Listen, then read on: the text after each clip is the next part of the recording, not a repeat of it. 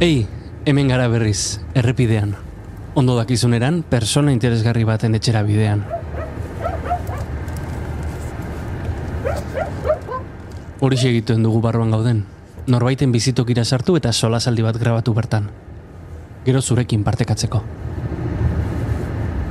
Iritsi berria baldin bazara, oroitu EITB podcasten eta zure audio plataforman entzungai dituzula orain arteko aleak.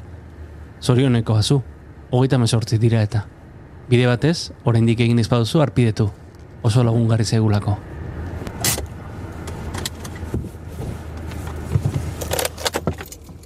Saldu ondora iritsi gara. Nafarroarekin mugan dagoen Arabar herri honetara.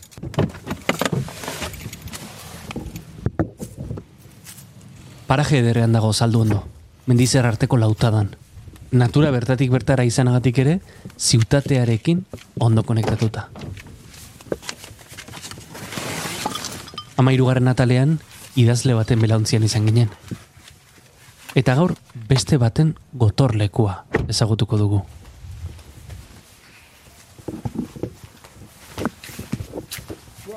Bai. Ba, mobila kotxe naztu zait, ointxe, hartuko, et, ointxe. Ez, ez, ez, ez, bueno, neatik janez, hartu nahi behar. Bai, hor txuleta horrek bitzet bazpare, bazpare, ez dut erabiltzen asko da. Eh? baina, Ondo, Bai. Zorak ere jada. Ba, hemen da, hau da, saldo ondo, e, inoiz egona hemen? Ez, ez, ez. Mo, baiara ez hau baina, ez, Ba, bueno, hori da aratz. bai. Hori jarri zuten guretzako erdi erdin. Tak, hori. O, pakia da kasu hemen, Eh? pakia. Bueno, bai, bai, baina bai, pakia da, pakia da. Pakia da barrukoa, kanpoan pakia, baina egia da, dago isiltasuna. Mm, zer esango izut. Isiltasunare batzutan, ez pensa, eh? ez pensa. Hemen bakizu, nik esango nuke, batez ere dago utxunea, espazioa. Hori da. Beti izatet, eh, herria baino lehen, edo etxia baino lehen, utxune bat egon zen. Mhm. Eta horri esate jo espazioa. Eta hemen bizi gehala, ba, guk espazioa nik uste sentitzen dugu berua eta hotza bezala. Ni gazteitzea nahikoa da ez dian bilbora edo Mhm. metropoli bat bezik eta gazteitzea joan eta eta espazioaren urritze hori, utzunearen urritze hori sentitzen dugu. Hori du honena honek. E, isiltasuna momentu honetan badago, baina laster hasiko da traktoren bat, edo zakurren bat, edo, edo gero e, desbrozadora delako gailu infernuzko, Bueno, aia neorakoak entzutea. bai, bai, izango dira, ba, ba, baina hori dago, bueno, esate dut.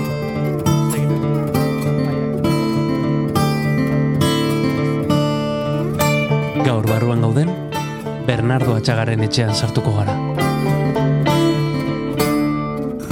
iluntasuna ba, askotan urrundata gero ikusten da. Ez, paisajean bezala, urrunera begiratzen duzunean, ba, askotan, ba, laino bat, edo, ez, gandua, edo, oilundura, zoze ikusten zuolako, ez. Beraz horrekin esan dizut, gaur bertan ere, zenbait jenderentzat, agian jende askorentzat, gaur bertan ere garaiak, ilunak gehala. Eta orduan, aurreko beste garai bat iluntzat jotzeak ekartzen du ezinbestean gaurko garaiaren ontasuna favoratzea, ez da. Eta ez da hori, ez da hori.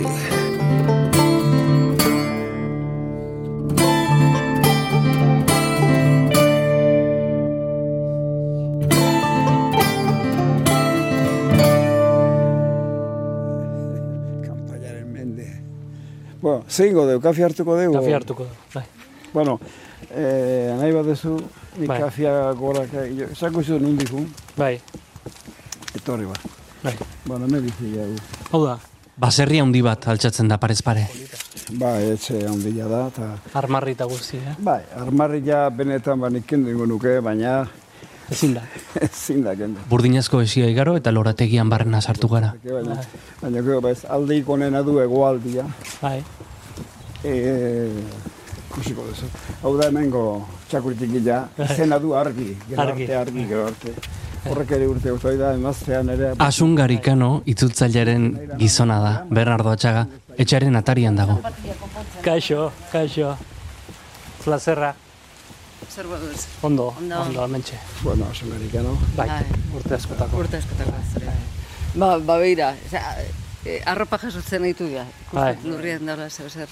Bueno, haundilar ez da arrieta. Eh, politia da. Bai, Bai, bai. bai, bai. Egon gabia zeinean hemen. Hemen bai. nintzen egon ez, ez. Bai. Noiztikan hemen, bizitzen? Bueno, ba, hogeita, Eta bost urte, bai. hogeita bosten bat urte. Bai, Bueno, ba, ni guain bai, Bai. gora bialiko dut eta bitartean kafe joko dut. oso ondo. Eh? Oso ondo. Ni zaietuko nahi zapatilla, ba, Bai, sei- zapatillak sei zapatilla. inporra. Oso. Bueno, Lorategia utzi eta etxean sartu gara. Gora joan behar dugu. Goian dago liburutegia.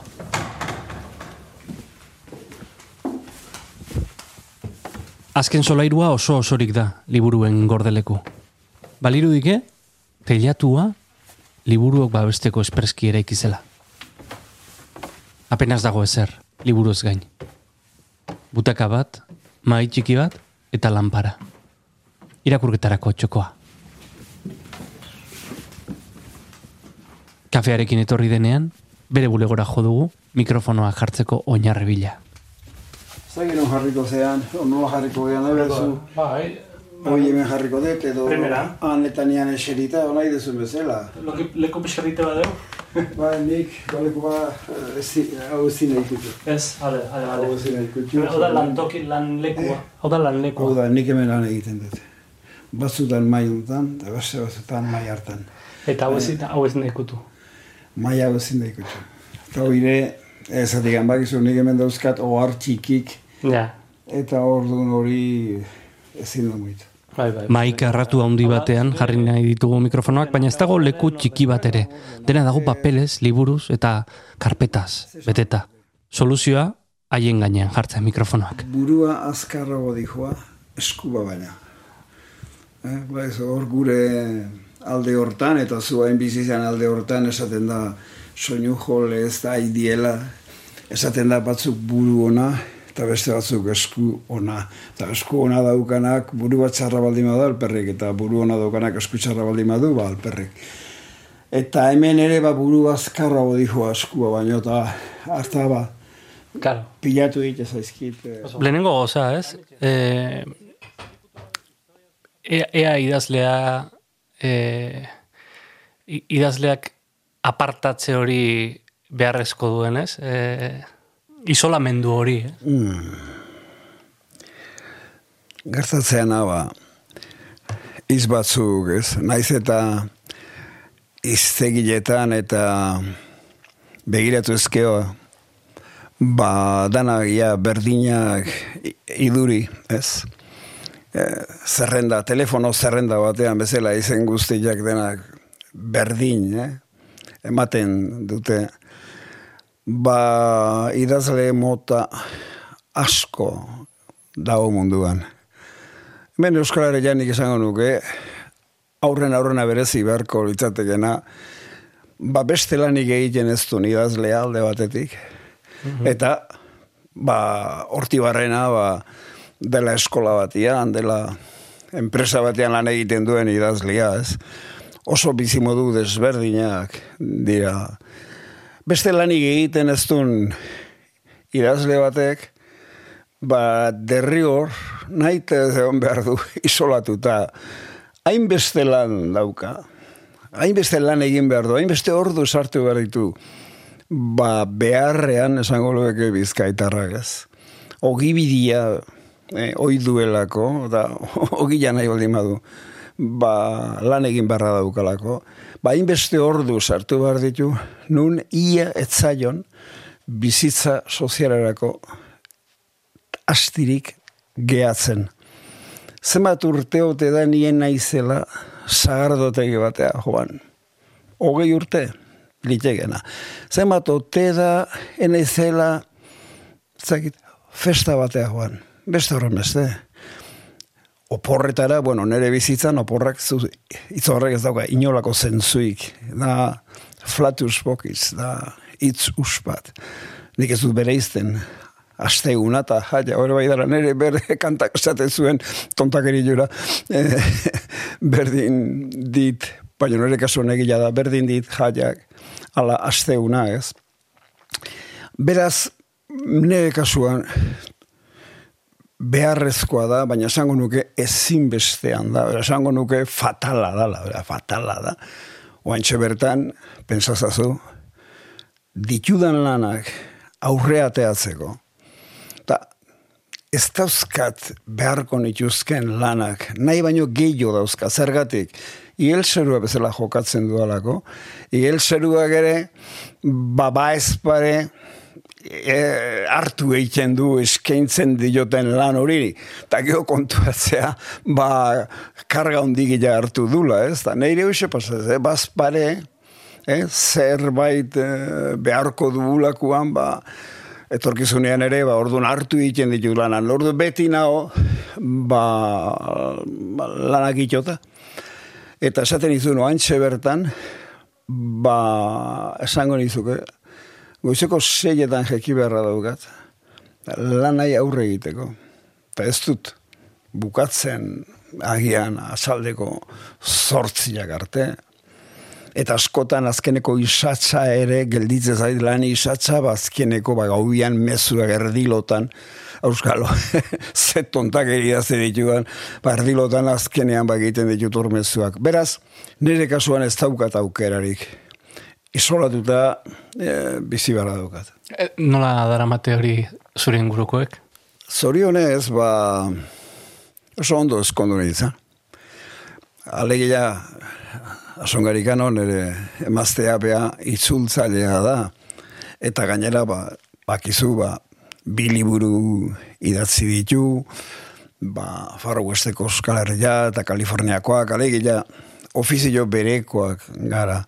Eta askotan, ba, biskilei gertatzen zaien bezala, ba, elkarri e, bultza, baino baita ere elkarri lana jarri talasi biltzen gara. Osa, esan idut gure etxian, ja, gure etxe hontan, zein zen jarri gure etxe honi, ba, batzutan pensaten dugu, zertik ez du jau jartzen fabrika. Zazken batean, hau fabrika bada, hemen beti, baz, gauzak egiten ari gara, produkzioan ari gara. Ta.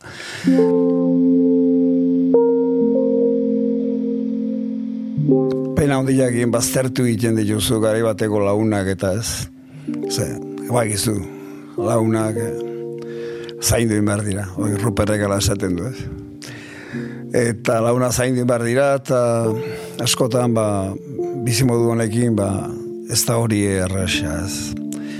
Bakizu, ona etorrita ero, berizketa bat egiten dut. Hauzua eta launa eta txorak ere dirudi, baina auzua oso oso garrantzitsua da gure bizitzan, oso oso garrantzitsua. Askotan launa baino gehiago, Zer, launa ikusten duzu aldin, behin beti daukazu laguna barrun, ni beti dauzkat, ne lagunak baita mundu onzatik joan zianak ere, barrun dauzkat, eta iekin beti naho, ez, elkarrizketan, esan nahi nuke, alegia idatzi zerbait, eta beti pensatzen dut, hau zeirituko, uh, zailo, oto zailo alakoari, o zeirituko zitzaioken, eh, eh, alakoari, ez, eh, da zerunda onari, ba, eh, baina alata guztiz ere, ba, ba, launak eta askotan, ba, baztertu egiten dituzu, baztertu egiten dituzu, ezin dituzu bisitatu, ala da.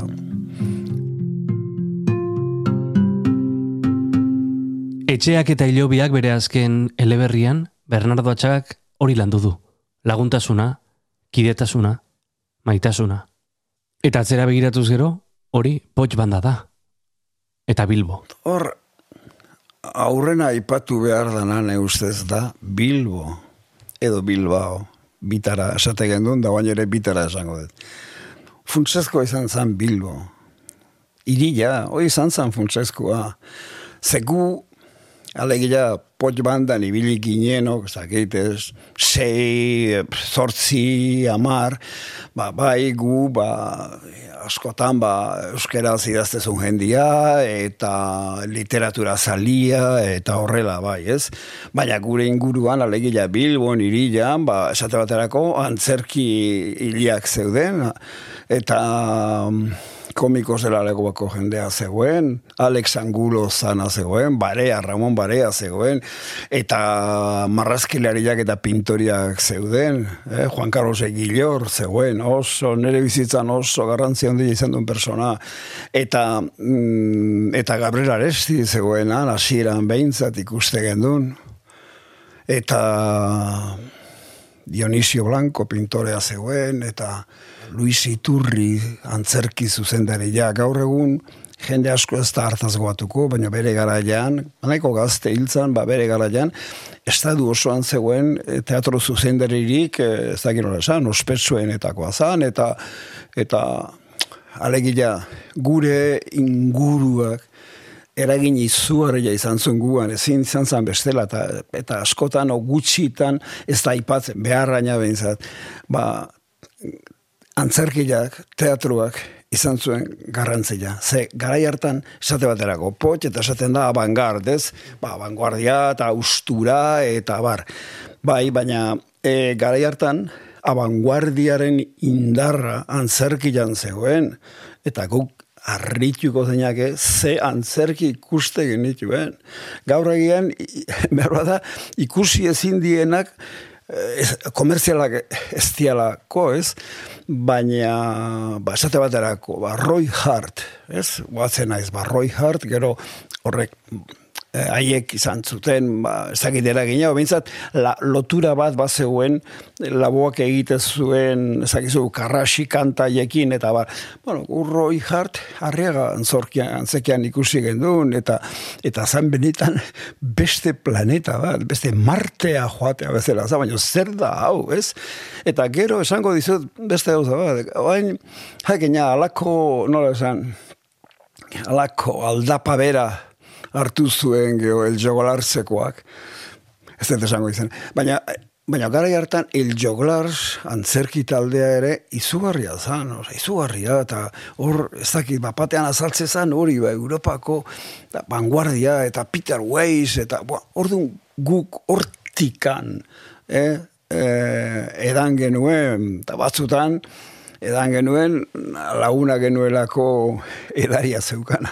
Eta beste batzutan, ba, ikusi, zointzunez edo irakurriz, eta ez dakit, eta geho ba, gaztetan, gaztetan oso beharrezko izaten da e, taldea, taldea. Talderi gabe idazlea bea bakarri gizajua hmm. nekezateatzen da aurrea, ez? Batez ere jende guztiak arbuiatu egiten duelako hori da, e, idazten ibili egon ork badaki, obedula inoi ez galdetzia, ze iru zaion beak idatzitako zerbait, ze normalean ingurukoak baita lehen guzuek ere, esango nuke, o lagunan minak ere, ba normalean oso iritzi negatiboa ematen baitute, eta orduan behar dezu babes bat, talde bat, ez dakizu, ba, talde horretan, ba, elkarri launduz, eta eh, elkarren lanak iragurriz, eta hor, ba, olaxe sortzen da. Baina, poit banda, etzaio,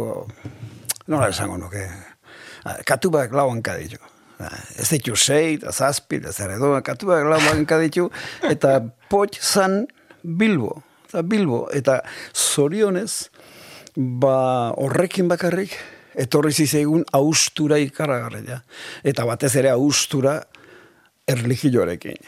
Nik, zagin nun esan dut, pot izan zalagian jainkorik gabeko lehen euskal talde literarioa, ez? Eta uste dut ala izan zala. Esan behar nizun, mm, gainera bazentozetela garai ilun batetik, ez? Eta igual kontraste horrek ere eragin handia eukiko zuen, alegia frankismoaren amaiera izan zan, irurita magostean, e, hortik aurrerakoak bizi izan zenituzten eta hor bai egon zela kontraste batez, garai ilun batzuk eta esperantza eta nola baiteko, ez? E, ez dakit eh, interpretazio e, simplegia den? Bueno, ba egizu, e, iluntasuna ba, askotan urrundata gero ikusten da.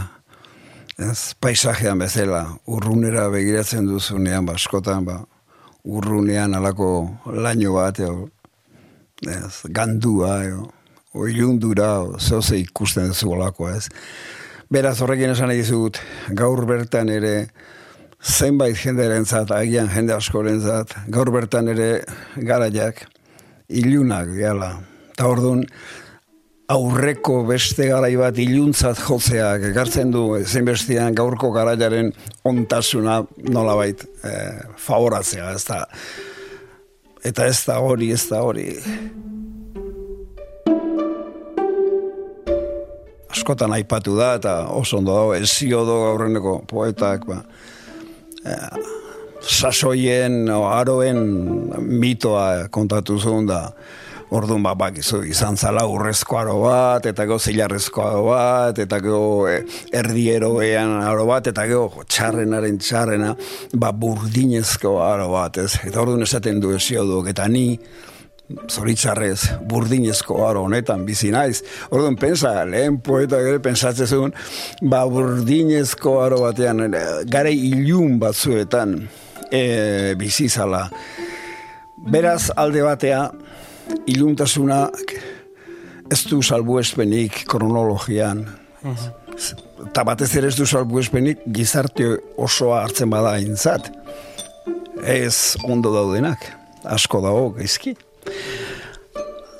Ola esan da gauzak, ba, gara jura, eta frankismoa, ba, izugarri niretzako, izugarri iluna zan, izugarri iluna zan. E, bai, e, bazan alako errepresio zuzen bat. Askotan aipatu dana.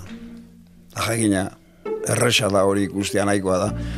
Gara hartako argazki bat ikustea eta la polizia joka, ez? Mm Denboraskoan pensatu izan un, banuela nik euskaldun bezala ere, eroe izateko aukera bazetikan, kolpe bat eman zian poliziak eskubitako belarrian, eta gero zegertatuko eta eskubiko belarritik enula ondo haitzen. Eta ne esperantza zen behin, elbarritasun hori izan da, ne esperantza zen behin eroikoa izatea, ez, esatia bai, esatia medikuak alegila, hau poliziak emandako kolpearen gatik izan zen, baina medikuak esan zuen, ez, hau ez da, inungo kolpe batek e, sortutako bezik eta e, hau jatorrizkoa da, hau datorkizu gurasoen gandik, oitonen gandik, eta bar, ez. Ba, orduan esaizu, galde batea arresa zen, errepresio zuzena izi baina beste badago asko zaze latzagoa, asko zaze zekenagoa, asko zaze txusigua. Eta hori da, erreligio katolikoak eragin zuena.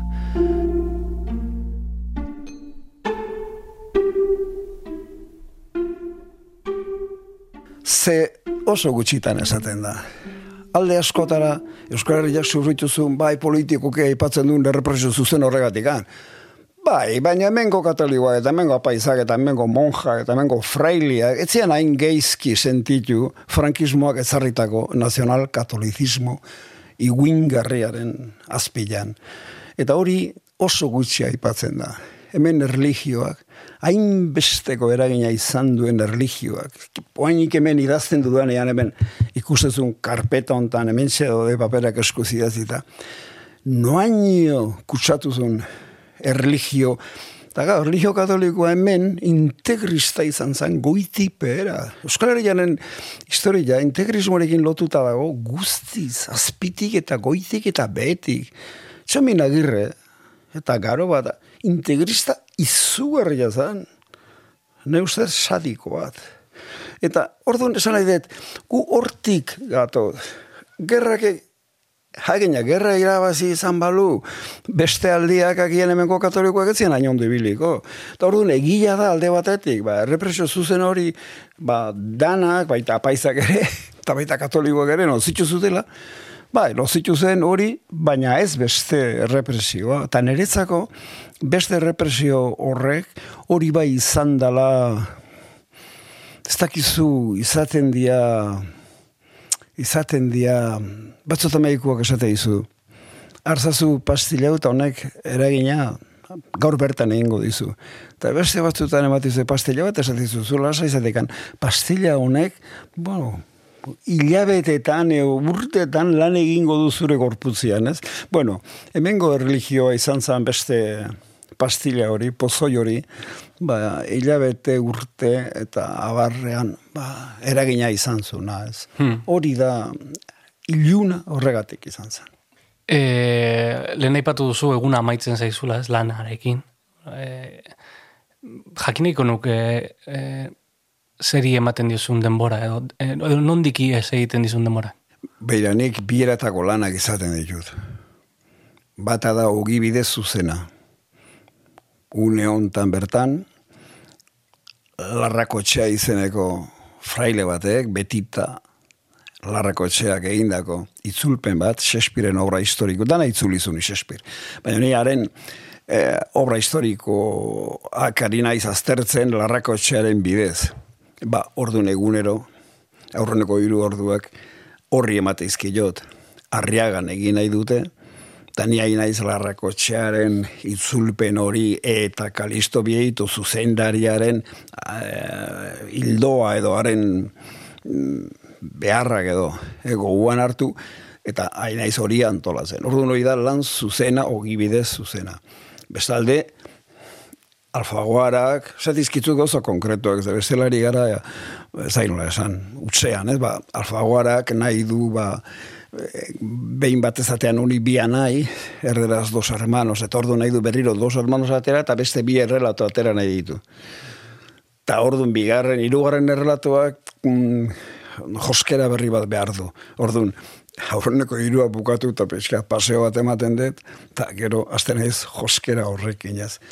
Olako lanak ditut, mm, zuzeneko lanak, beste batzuk ere bai, baina, bueno, hori batez ere horiek. Eta gero zer egiten dudan, ba, ba, azken aldi honetan, askotan pensatu dut, zaten dudan bezala gauza. Ideia baten zantzu ba, ez errez, itzala, o errainu ba, pasatze zait burutik. Eta batzutan iruditzen zait, ideia hori benetan sendua dala, izan daitekela, ez dut osorik ikusten. Eta hartan ba, aste naiz demengon ikusten dituzun oarroiekin eta gero baitare paseatzen ari naizela, ari naiz idea horren xerka, ari naiz horren atzetik, eta mm, irakurtzen du denean, pensatzen dut zeharreman ote duen idea horrekin, ez? Nahi bat esango izut bat, mhm.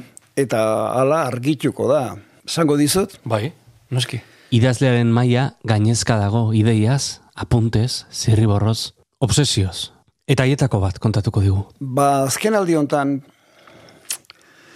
ba, pensa eta pensa ari naiz, ze harremano, ze lotura duen, mugitzeko. Leku batetik bestera joateko. Garraioa egiteko. Mm, zailtasun alde batetik, edo arrestasuna, eta gizartearen antolaketa bat edo bestia. Ze harreman dagoen bi mm, fenomeno oien artean. Ba, alde batera, ne ondore jo oso erresa da, oso zinek badaki, ba, araua litzateke, zenbat eta muitzeko, ibiltzeko, zailtasun gehiago, ordun eta zentro gehiago lurraldean, esate mhm. baterako. Te, esango duzu, abai, ba, babai, oain dela gutxi, Horatik handaukat hemen azkeneko apuntia. Oen dela gutxi, hau da. Mm, almazan izeneko herri batea joan itzen. Sorian dago. Erdi galdua. Eta almazanea joate zara eta harri da, ba, basate izue, ua izan zala, errega katolikoen gortea. Aiba. Eta esate izue, tirso de molina, han bizizala eta han hiltzala eta gero ba Mengs edo horren pintorearen kuadroak daudela eta gero ba Eliza dala katedrala dala ba izugarria gutxi bezain ederra torro esatezu baina nola liteke hori almazanen egotea ba ordun garraio zailtasunak mugitzeko zailtasunak. Eta bar, ba orduan unibersoak ziran oso fizikoki, oso txikiak. Eta orduan zentruak sortze ziren nun nahi. Eta orduan litekena ba almazanen ba zentroitako bat ezartzea eta eta erregeak hor bizi izatea hmm. eta tirso de molina. Bueno, gaur egun imagina ezina da e, e, ez erregeak, ez da azken burgesa ere e, olako herri txiki galdu batean bizitzia. Orduan, zein da beste aldia bada, gero eta ba, zentroak e, haundi gutxi odia, eta gutxi horiek haundiguak dira, erraldoiak dira, mustrotsuak dira. Bueno, estadua, gubizian, estadu hau, geo eta e, eraidu honen arabera, e, ez da gero esan, e, sartuago da, ze, bo, ikusten duzu, ba, estatu honetan ibiltzen bazea, ba, ba, ba, ustuta dago. Bueno, azkeneko gaita maruretan, o berroi horretan, ba, ustuta dago, ez da jor bizi. Hmm. Ez? Eli, bila mediana nego nintzenean, o babakoak gara hartan, ba, nezan jor bizi, inguruan, eta bar. Bueno, orduan, esate baterako hori hola esan da, ba, bueno, ba, ba, gauza batzuk azaltzen ditu. Ba, nik, ideia horren arabera, hainaiz, gauza asko aztertzen. Eta orduan, ez dakit, e, fenomeno asko aztertzen ditut horrela. Bersolaritza bera. Ba, batek esango luke bezala bendimiatzen naiz. Bueno, ari naiz. Ari naiz lainoa garrabatzen. Eh? lainoa garrabatzen, zatik. Ideia horieko lasan dizudana ez dakit. Zer ditu zaizu, garbi gelditu da, ez da gelditu. Kulertu da, bai, bai, bai. Bai, eta bai. gero aplikazioak ikusiko askotan pensatzen dut. Jakina, hau da, hau da, unibersoak, orain dela lara hori urte arte, unibersoak, e, asko zirelako eta oso zeudelako sakabanatuta, baina asko ziren, herri guzti, ikuste duzu, e, e, e, ez dago eliza digabeko herri txikirik, hmm. orduan, zehozea dirazten du, zentroak ziren.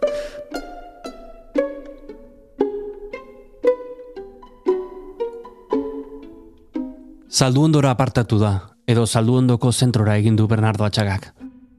Haren literaturan iritik, ziutatetik hasi eta herrirainoko bidea suma daiteke. Eta entzun izan diogu gizarte premodernoa eta modernoa aipatzen, baina nola bizi du egungoa, bizkorra, hiperkomunikatua. O, netzako helburu nagusia gue bizitzan, ba munduan, mundu orokor horretan, mundu zabalean, zeure mundua egitea da. Eh? Hori bada liburu bat, eh? Titulu hori duena ez, mundu bat, munduaren baitan. Orduan, alegia nork bere mundua eraiki behar du, o beto esan da nork bere unibersoa eraiki behar du. Pensatzen dut, azkar esan da, horretarako behi kutsu bat izatea oso komenintzikoa dela. Behitasuna. Eh, behitasuna da behiaren ezaugarri batzuk izatea. Eta batez ere bere ba, lixerik eta sistemarekin lotutakoak ez. Behiak lau urda egon ditu. Eta orduan agotik hartzen duenak ba, ba, hori pasa beharra dauga lau urdaioetatik eta azkenean hor gelditzen da, ba, gelditzen da, ez dakize gelditzen dan, e, elika gaia geldituko da, noski. Bai, bueno, alegila, e, bellaren kontrako izakila da, ba, itxastrikua, hau da itxastrikua, hemen da ona, hau da, hau ja, harri bihurtuta da. Baina, bueno, hau uh, triku itxastrikuaren ezaugarria da, e, ez duela lixerik eta organorik, bakarrik dauka txulo bat hemen alde batian, eta beste txulo bat hemen, eta tartian alako odi bat. Eta orduan, ura, itxasoko ura, sartzen da, batetik, txulo batetik, odila pasatzen du, eta bestetik ateratzen da, eta bueno, hor, baztakit, planton edo dana dalako hor gelditzen da, horra likatzen da. Baina esan nahi dut, itxastriguak hartzen duna, ua, botatzen du. Ez dago barru inolako eraldaketarik, ez dago egokitzapenik ze, gure bizitzara. Mhm. Eta hor dut, pensatzen dut, e, ba, gogoetak alde horretatikan e, jo behar duela. Pentsatzen dut baita ere, gogoeta hori egiteko, hobe dala laun arte bat izatea. Ze laun artean eta izketaren bidez eta ba, oso ondo jaso daiteke munduaren errealitate hori. Jaso, kasuntan esan nahi dut, lau urdai hoiek. Eh, eh, segurazko urdai hoietako bat lagun artea eh, lizateke ez. Baina hala da, bestela, ba, ba hori bizizara ba itxastrikua bezala ba, ba hartzezuna botatzezu eta pasatzezean mundu honetatik ba odi huts bat bezala ez odi bat zara eta dana pasatzen da zu handik eta bar nire oso esango nuke moza da bizimodu hori hmm. eta orduan pensatzen dut ba, ba liburuen bidez lagun artean bidez ba, egokitu mundua kemate izun hori zure bizitzara eta zure ingurura eta horre garrantzi karagarria duela ez. Mm Tartian gainera dago batez ere gogo eta ipatu detez. Gogo eta batez ere da lenguajeari buruzkoa, ez dut esaten izkerari buruzkoa, ez dakit nola esan berko litzateke mintzairari buruzkoa, baina zait asko gustatzen ze euskeraz hizkuntza kontu guzti gain beste erabilidia era guztietan, ba ez dut ezertako bale jo. Ba, lenguajia ba, aztertu egin beharra dago. Pensatzia da, ne ustez, iztegilan e, datozen itzoiei buruz pensatzia, edo entzuten dan itzei buruz pensatzia. Ni filosofiako irakaslea banitz, eta ez da nire idea bat, ez da nire idea bat. Ba, itzak artez aztertuko genituzke. Ikusiko genuke zer dagoen itzen atzean, esate baterako globalizazio, izene horren atzean zer dagoen. Nik uste kasu honetan mm, globalizazio hitzaren azpian dago aurrenak ezur izugarregat dago imago bak imago mundi eh, dago imago falsu bat imago ideologiko bat eta denak imago horretan ikusten dute hori e, mundua edo globalizazioa balako umei e, oparitze zaizkien pusika Osea, boro biloiek josta dezaten alako bat bezala, baina begiratu dezagun. E, Zekertatzen den munduan, bueno, joder, globoa izango da, baina, no, esango nuke, globoaren zati batzuk sekulako tamaina daukatela, eta beste batzuk ez daukatela tamainik, esate baterako. Ba, normalean, elefantea mm, marrazten denean, marrazkia elefantea baino txikiagoa da eta arkakosoa marrazten denean, normalean marrazkia arkakosoa bera baino handiagoa da. Kasu honetan esango genuke, ba, mundu honetan, ba, haundiak, are eta haundiagoak dira marrazkian, da, representazioan, hori da, mas media delakoetan, eta orduan ematen du, estatu batuak dela, ba, e, da mundua, ia, ia den hartzen duela, da aldiz galdetuko bazen hortik barren aizu, eta Armenia, nola Armenia, zesatezu Armenia, ideaik ez, ez dago ezerre, baina Armenia bada, ez? Eta, eta Paraguay bada. Eta, bo, zesarik ez, bo, Euskal Herriare, bada, ez? Orduan esan nahi dut honekin, mm, gogoeta honetan, nor bere mundua eraikitze honetan, eta hizkuntzari buzko gogoeta honetan, ba, hizkuntza hori eta lenguaje hori gure bizitzara egokitzen ere, ikasi egin behar deula. Alba da.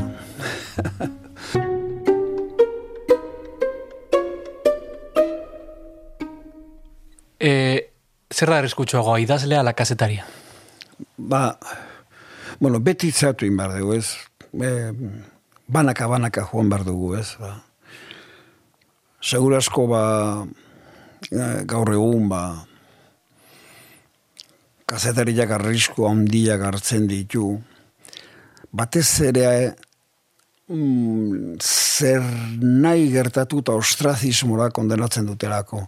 Osa, momentu honetan nien aizari, badakit gerrak eta bar, bueno, baina hori beste kontu bada, eta aztertzin barko litzateke, e, zakit, e, mm. gauz asko daude hortartian, ezakit, baina ni nahi zaioan arrisku fizikoa zai naiz, kazetari bate gaur egun, ikusita, ba, bueno, gaur egun, egun karilek, eta telebistek, eta ez, ba, ideologia oso markatua daukate. Bueno, agien ez dago markatua, baina esan nuka azpitikan oso lotua dago, eta bar, orduan, e, segurasko kazetari batek arriskua gartzen ditu eta bere hauts personala edo edo bueno, hor badauzkagu adibideak e, Javier Ortiz daukagu esate baterako, eh? Hmm. Eta eta guabiali egin zuten ez, el mundotik, eta bar, bueno, bere liburua, bere bildu, artikulu bildu mazora garria da. Eta, eta bueno, eta hemen bertan egoteza, Mariano Ferrerek ere, ba, bere arriskoak hartu zituen, eta bere zenbat lan egin zuen, da zenbat irratizaio, eta zenbat jarraitzaile izan zituen, eta gero joan zan mundu ontatik eta inor ez dago batzen arekin, ez da donostiak ez ditu eskaini ez da biatxur bat ere, eta gero donostiak ez ditu eskaini ez da nola zan uri sari uri, donosti sari ez da kizet eman aizioten Madrileko kazetari bat eta bar, ez? Bueno, hori da donostiaren pompezia, ez beti da kanpokuaren eh, kanpokuaren morroi.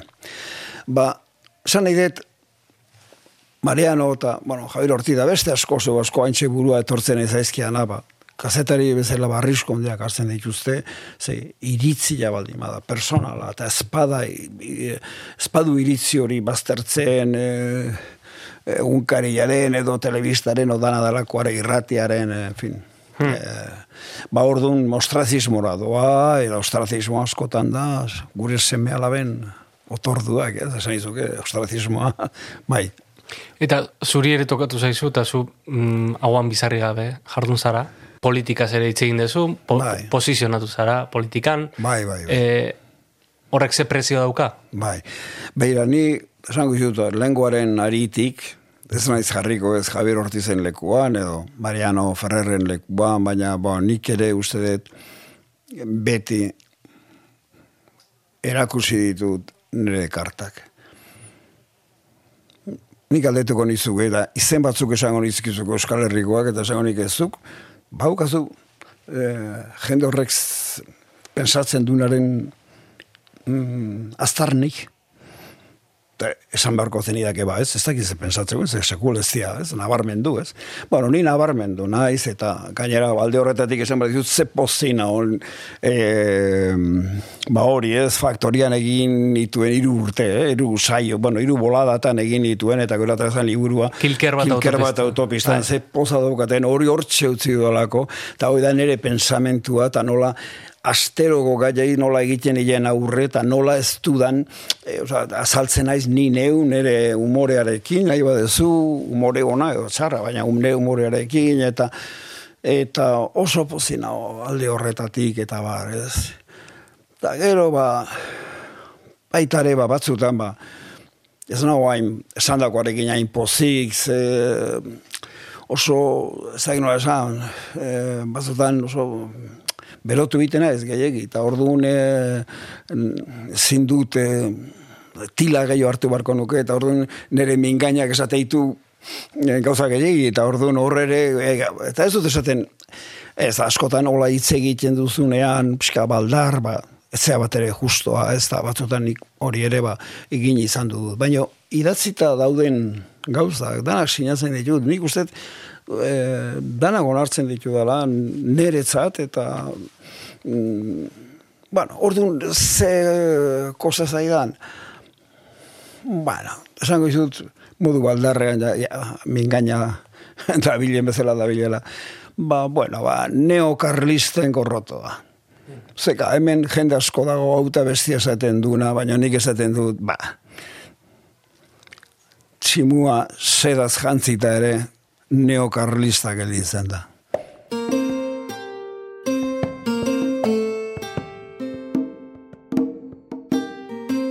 Oin dela gutxi itzuli izan kubatik Martin. Ez dakit berarekin egoteko tarterik izan duzu. Bai.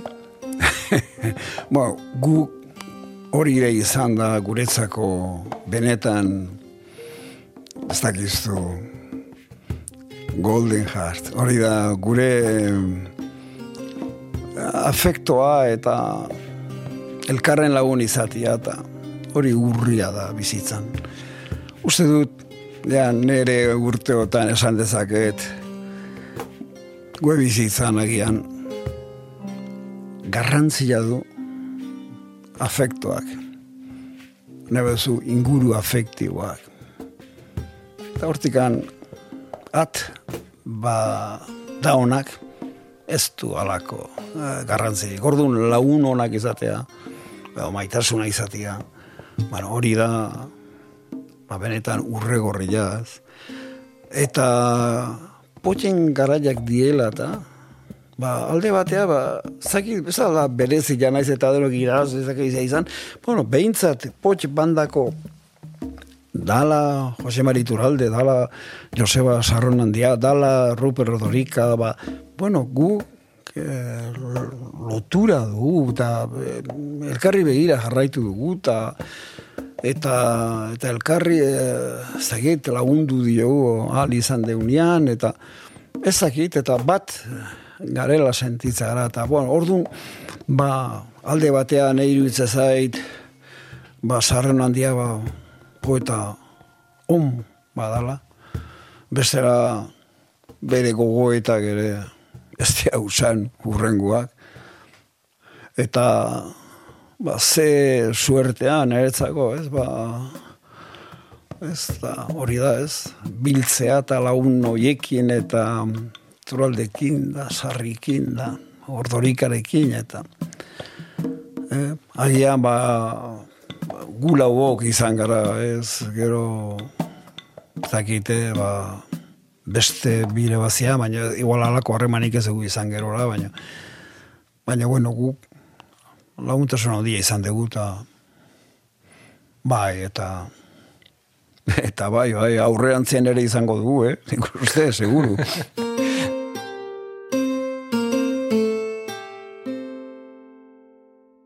zilegi bat zaigu, eh, nola, nola izan zen berriz e, e, Martinekin edo sarrirekin e, aurrez aurrego topatzea? Ba, hor badak Espainiako filosofo bat, ba, bota egin zuten unibertsitatetik, eta ez da izan bat urte ontzan unibertsitatez kanpora, eta gero berriro klasera joan zenean, da klase ematen hasi zanean, ba, hori ez, atzo esate genuen bezala, odo lenguan esate genuen bezala. Eta e, e, Josebarekin hori izan da, ba, lenguan esate genuen bezala, zega, tarte hontan ez geha, egon, egon geha, bueno, harremana izan dugu, eta batez ere badaukagu alako lagun arte sare bat, eta batek jakiten duna o jakitezuna be momentuan, bat denok jakite genuen.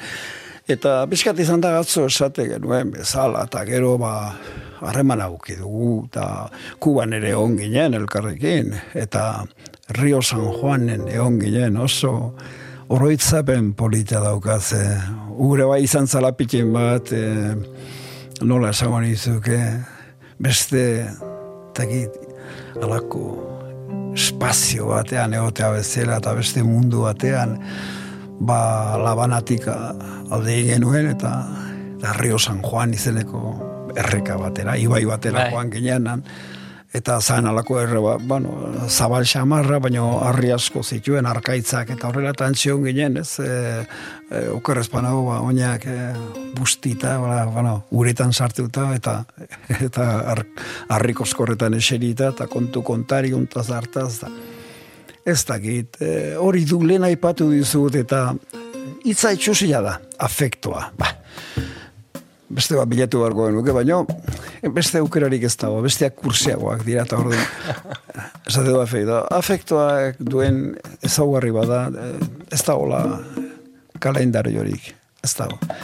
Eta ja, berdin dio, pasadia bosturte, pasadia mar, pasadia hogeita mar, Eta ez da bakarrikan, ba, Josebarekin egartatu zaidan zerbait, edo beste lagunekin, baita ere nire gaztetako eta lasaile ikastetxera joate ginen, trenean joate ginen handoa ingon lagunekin gauza, bera, urtean behin elkarrik usten dugu, eta eserita ja betikoan hmm. gaude, ez? Horrek, bai, afektuak egiten du.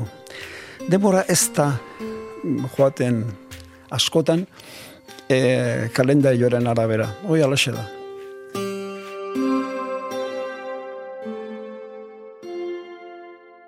Beste lagun bateran gana joan da, eta eta kaso nahiko nuke egin mm, aipatu poesia alde batetik eta musika, ez? E, ze nire abesti kutxunetako bat espada kutxunena da berandu da biltza. Mm, Berez poesia dena, ez? bai. Baina e, izango da mm, letra, letragile onaren arau guztiak hausten dituen Bai. e, letra bat, baina a, a, era berean poema hori buruz ikastera eraman diona jende mordoari. Bai, bai, hala da. Bueno, hori oso ondo dago esaten diazuna. Ba, poesiak, agian novelak ez, o areta gutxio antzerkiak, baina poesiak, poesiak ibilgailu bat behar du, muitzeko. Leku batetik bestera joateko, eta batez ere, e, personen, entzuleen, e, irakurleen burura joateko, ezin da bakarka, joan. Eguneoko bizitza ikatza bezelako labexo moruak isurutzen hasi zenian. Arra ezan goguan. Paco Ebainez eta edo Serrat eta Machado. Machadoren poemak mm, bai, hortxe daukat liburua, eta irakurtzen dituzte, baina oso gauza gutxila da, oza, jendeak arrazoi askoatekan ez du hori egiten, eta baina kantaren bidez, ba, ba, barruratu egite zaio, eta poesia bizi da kantari esker. Hasieratikan izan da hola, lira baino lehenagotikan ere, alaxe izan da. Beti aipatzen dut, asko gustatzen zaidalako denboraren berriro goaz horretara, mm. kalendari joaren ezabatze horri buruz, ba beti aipatzen dut, mm, 6 kilos izeneko gizon batek bere emazteari ba, hiltzan emaztea eta hilobi bat egin zion eta hilobi hortan azaldu da aurreneko kanta Isto, ez aurreneko kanta historian segonda aurrenago, da 2000 urte baino lehenago ere, orain dela 3000 urte ere baziren kantak, baina ez da geldituaren notazio musikalaren arrastorik. Eta kasu honetan 6 kilo zen hilobian gelditu da, ez bakarrikan e, hitzak azaltzen da notazio musika. Arrazoi komertzialak zirela merillo zirela merillo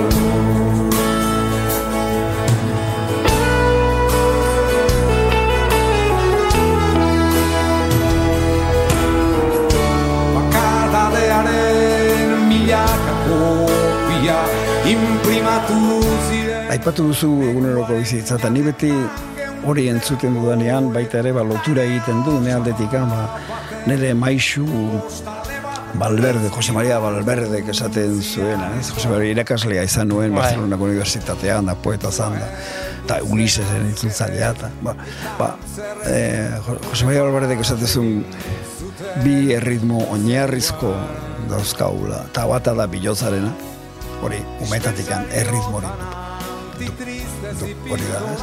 Eta bestea, ibiliarena, pausuarena. Eta niretzako, eguneroko bizitza, da pausuaren erritmoa. Eh? Eguneroko pausu bat. Bizitza, eh? pausu bat. Ikatza, Bezela. eh, bezalako beste pausu bat. Eh, eta eh, hori da, orduan, niretzako ere kanta izugarri edera da, eta, bueno, posten naiz jendia buruz daki lasate jazu, da ondo dago. E, hori ikaragarri, ba, baina Bai, bai, bai, bai. Pentsatzen olako poema luze Bai, bat, bai, eta ez da resa bat, ere. ba, hasiratik amaierara kafeantzoki osoa Bai. hori errezitatzen. Hori Bai. hori musikak baino ezin du lortu, eh? Bai, ba hori da bera zuzen zuzen bilboti dator. Hori poema horrek lotura du arriagantzokiarekin, arriagantzokian biltzen ginen, hango kafetegian, bilboko ibaia, arenaleko zubila, hori da, agian ere paisajerik maitagatuena, zain hori, maitiena, ba, ba hori da, eta han sortu zen poema hori. Ba, geho, ba, Laboak eta Juan Carlos Perezek eta Javier Mogoroza. Palazioak lurrera doaz kartzeletako bat pizzatu egin dira. Eta kuligo gabiltza kaletan jantzien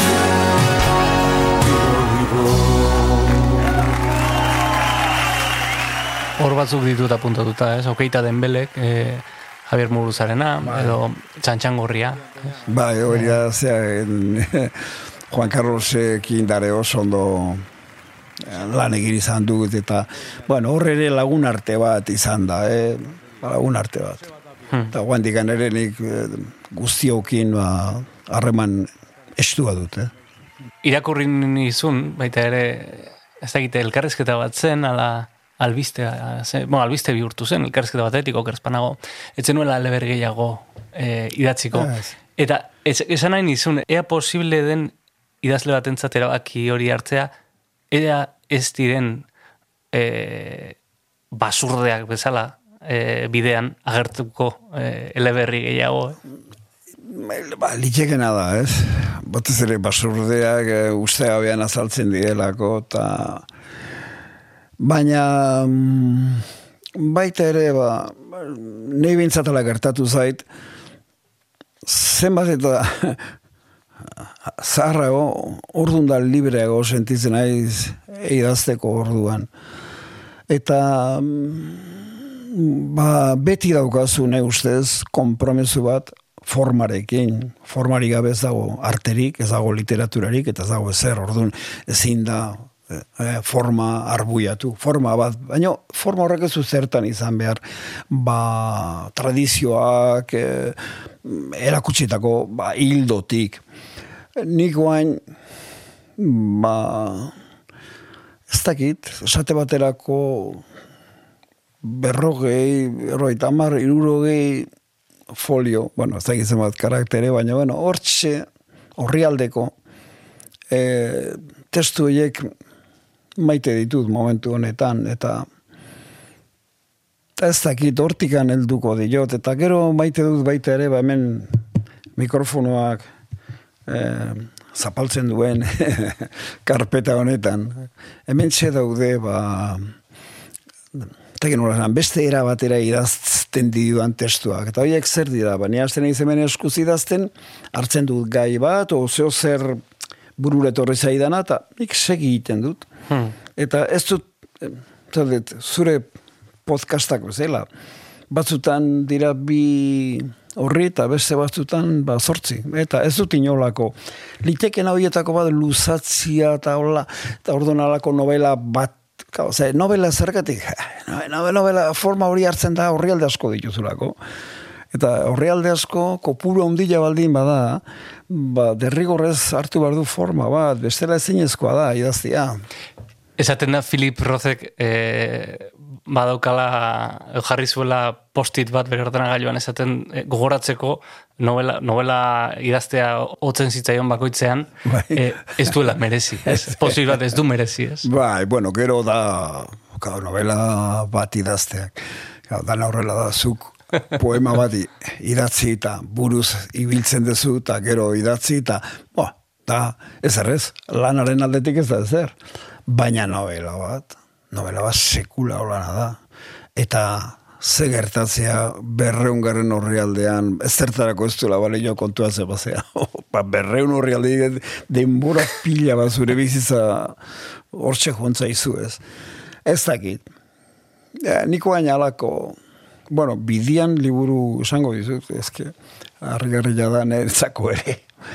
Baita ere, aterako dut, eh, datorren urtiaren hasieran, bueno, datorren urtiaren hasieran aterako da, i, eh, etxeak eta jobiak aterako da ingelesez.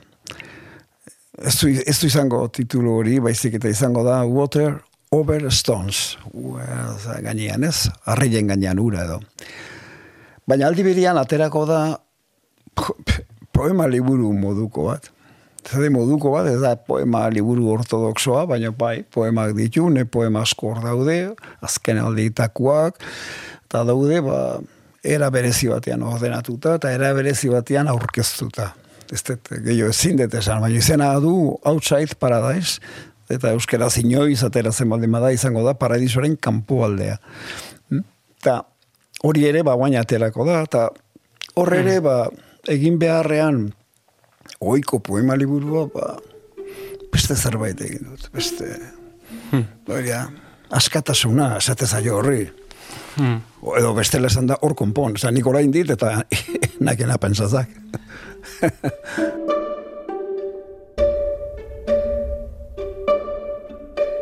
la pelota vasca, eh, piel, piel contra la piedra, la piedra. Bai, bai, bai. Eh, hor agertu zinen. Bai, eta bai. oso hiltzatuta dokat zure pasartea ze oso pesimista izan zen, ez? E, pasarte hori, esan az, gogoratzen naiz, esan zenuela Euskara desagertu egingo dela, ez? Eta ni nire artean oso gaztean nintzen, eh? baina, baina ja interes puntua da neukan danarekin, e, bueno, orduan oso bizerala eta oso nahi duzu naifa nintzen ere politikoki. Ba, ba, no, dano bezala. E, eta, eta zure hautan hori entzut, entzutean e, pen, pena handia sentitu duen gerora, akaso beste irakurketa bat egin dezaketez, baina orain ere horren pesimista zara? E, uste dute, benetan, e, ez dakizu, e, ez da gutxi etxi behar momentu jakin bateko aldartia. Oza, guk ikusten dugu gizon hori horizketan eserita, baina ez dakigu agian gizon horrek bezperan alako ez behar bat izan dula, ez da orduan ez behar hori naiz eta gaiaregin lotuta ez da egon. Ez behar horren kutsu ba azaldu iten da, bere iritzietan, ez? Askotan oso zaila izaten da, e, personaren aldarte berea, bere bizitzatik datorki jona, eta e, gaiari buruzkoa bere iztea. Ni normalean ba, mm, Ez dakit, e, beti txorakerik esaten ditut, esate baterako, ba, gau ez umore bat, aldarte bat daukadala, eta egunez beste bat, eta bar. Ba, ez dakit, ez dakit, ez dakit. Oso garbi daukat, ez dudala bultzatuko. Ez dudala. Dakit. Inola ere famatuko ba inguruan edo sentitzen dudan epopeia kutsua. Eta epopeia esan nahi dut, epopeia, edo berdin zait, epopeia merkeen, ara epopeia baldin bada, ba, publizitateara epopeia da, ez dakit. Eta, bai, hemen entzuten dianak, eta ah, ez dakit ondo nola esan. hain biztakoa da, hain biztakoa da, agian erdila, eta erdila bada, erdila eta laurden bat eta bada dena osua ba, paketea, ba, paketea airezkoa da, jo, ez, ez du jendeak ikusten, airezkoa dela. Ez du jendeak ikusten, ez, eskoletan zeidan gertatzen kultura humanistarekin eta, eta beraz izkuntzarekin. Ora, ez du ikusten jendeak hori, ez du ikusten jendeak funtzionari asko da hola, burokrata asko da hola, eta bar, eta bar, ez dakit. Eta orduan, ba, ez dakit, ez du ikusten jendiak, ba, zenbat personari diran musutruke lanian. Hmm. Kapital simbolikoa sortu eta sortu, eta gero beste batzuk, hori metamorfosi berezi baten bidez, kapital hori simboliko dana bihurtzen dute bestera bateko kapitala, ez? Ba, baino bakizu alde bateak gorroto dut ola iritzi orokorrak ematea. Zatigan, iritzi orokorrak emateko eskura eduki beharko nituzke eta beti horrekin nago, azkeneko amabostu urteotan amaik aldiz idazi du, behuki beharko nituzke datuak, datuak, hori da, alako batek egin du lan bat ikerketa bat arlo jakin batian, eta esan du, hau, bueno, eta ordunik aipatuko nuke, eta esango nuke, hor ze gertatzen da, ez ba, ze pasa da hor, eta, baina, ja, ez da, e, olakorik, e, ez dirudi, ni hortaz ere ohartu gana, ez dakizu, er, Nafarroko herriberan edo esate omen dutena nekazari batzuk, hola, haren gara joaten baldi mazeralako kezka batekin edo esate izu, ze? Esate izu, sorotin atordak txorakiri horiekin zatoz. Oda, jendeagian soruan dabil da, ez du, gio zerre jakin, nahi, zerrekin. Baina ez dizut esango ez bai eskorik, ez ez eskorik. Bakarrik esango izu, ez dakit. Bernardo, espero basurderik gurutzatuko zaizula bidean, e, aurrerantzean, eta esker, eskertuta. Eh? Bueno, guru, gurutzatu da dira, eta bizi gaitezela gutxinez egun urte, orduan denbora izateko, eh, danoke. Bueno, oso ondo. Eskerrik asko. Bai, oso ondo izin dut. Arantzabal jauna, eskerrik asko.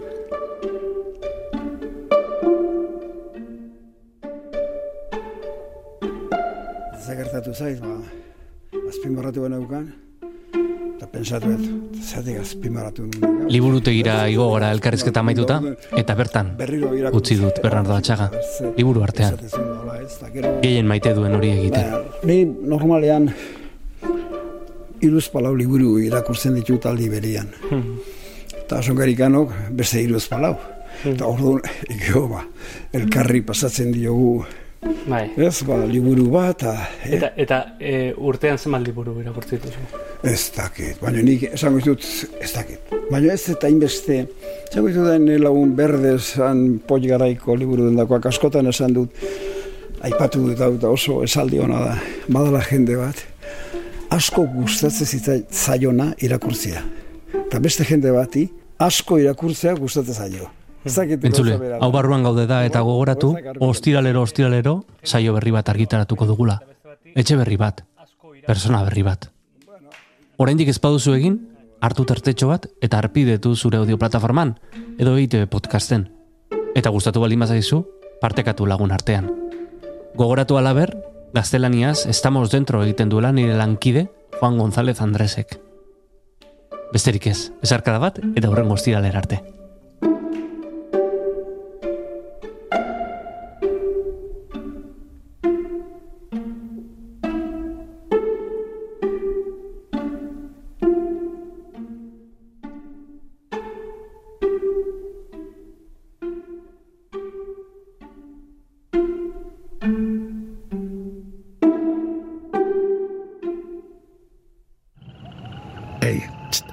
Entzun hori. Ulu Media.